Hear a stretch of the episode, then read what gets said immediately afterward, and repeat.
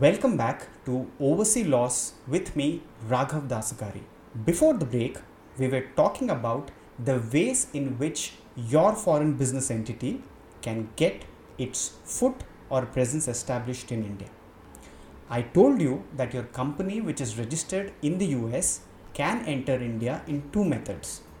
That is, either form a new company registered in India as a joint venture or a wholly owned subsidiary, or the other option you have is to set up offices such as opening a licensing office or a project office or a branch office. Now, I would like to tell you about what is the fundamental nature or the characteristics of these different types of offices that I've been referring to. Now, when it comes to a licensing office, a licensing office is basically suitable for a foreign company which wishes to set up a representative office as a first step to explore and understand the business and investment climate in the country. The licensing office generally acts as a channel of communication between the overseas parent company and its present or prospective customers in India. The licensing office can also be set up to establish business contacts or gather market intelligence to promote the products or services of the overseas parent company. Or it can be set up to promote export, import from or to India. Permission to set up a licensing offices is initially granted for a period of 3 years, which may be extended from time to time by an AD bank. Also, the licensing offices have to submit annual activity certificates from chartered accountants to designated AD bank. The licensing office cannot undertake any business activity in India nor earn any income in India. All expenses of such offices are to be met entirely through inward remittances of foreign exchange from the head office outside India. So, I've told you some very important points that you may have to keep in your mind that is these kind of offices cannot transact business or nor can they earn any income in India. Now let's move to the next category of office that is a project office. Now what is a project office? So basically foreign companies planning to execute specific projects in India can set up you know temporary project or site offices in India. The Reserve Bank of India has now granted general permission to foreign entities to establish project office provided they meet the following conditions. Number 1 they have secured a contract from an Indian company to execute a project in India and the project is funded directly by inward remittance from abroad. 2 the project is funded by a bilateral or a multilateral international financing agency Number three, the project has been cleared by an appropriate authority, or the last condition being a company or entity in India awarding the contract has been granted term loan by a public financial institution or bank in India for the project. A person from any country other than Pakistan who has been awarded a contract for a project by the government authority or a public sector undertaking may open a bank account with an AD bank without any prior approval from the Reserve Bank of India. The validity of the project office is for the tenure of the project itself.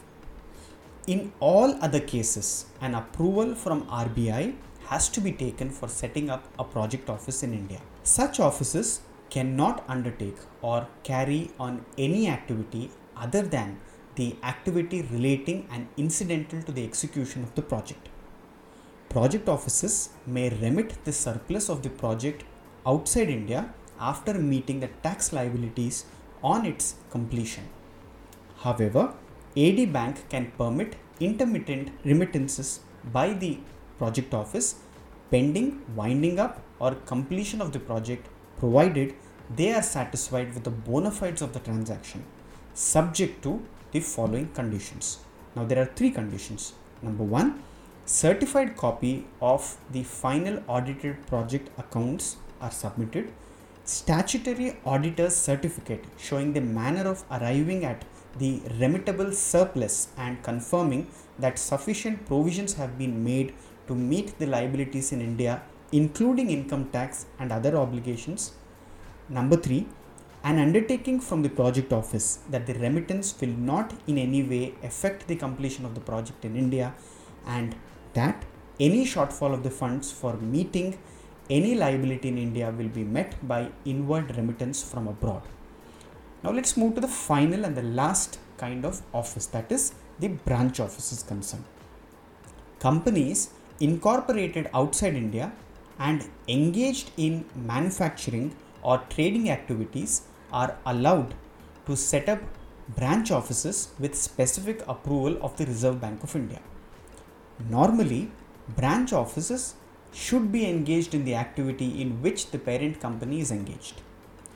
The AD Bank or the RBI does not permit a branch office to undertake any manufacturing or processing activities in India directly or indirectly. The range of activities to be undertaken by a branch office is also very restricted and permission has to be obtained from the AD Bank or the RBI. Each time any new activity is to be undertaken. The branch office will not expand its activities or undertake any new trading, commercial or industrial activity other than other than expressly approved by the AD Bank or RBI.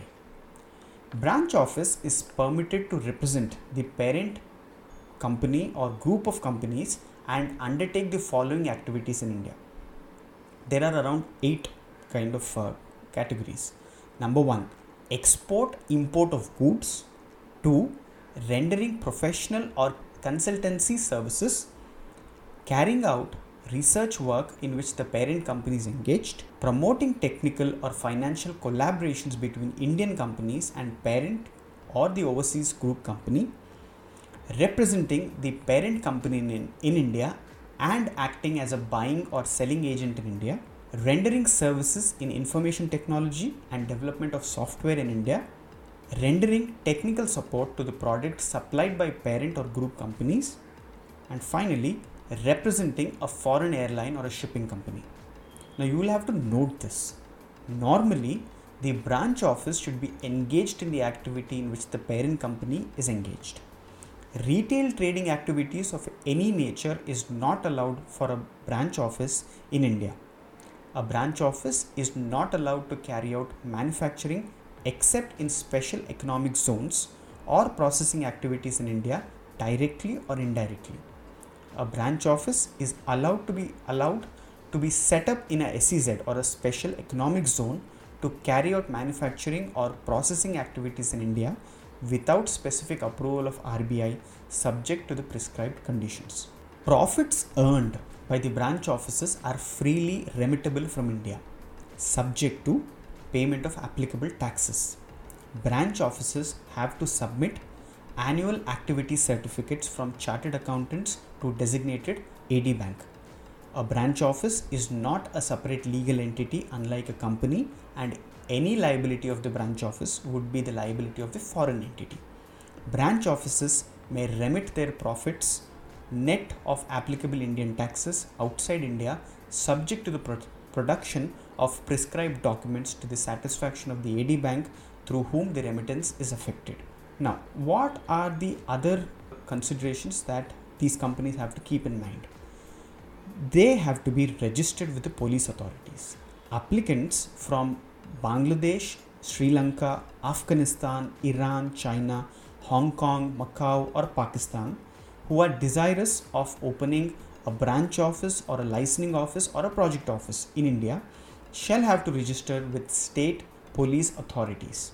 Copy of the approval letter for persons from these countries shall be marked by the AD Bank to the Ministry of Home Affairs, Internal Security Division, Government of India.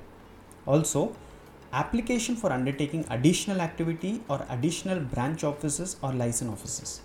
So, if you have this uh, requirement, Requests for establishing additional branch offices or licensing offices have to be submitted to the AD Bank in a fresh FNC form. However, the documents mentioned in the form FNC need not be resubmitted if there are no changes in the documents already submitted earlier. Requests for undertaking activities in addition to what has been permitted initially by RBI or the AD bank may be submitted by the applicant to the RBI through the designated AD bank justifying the need.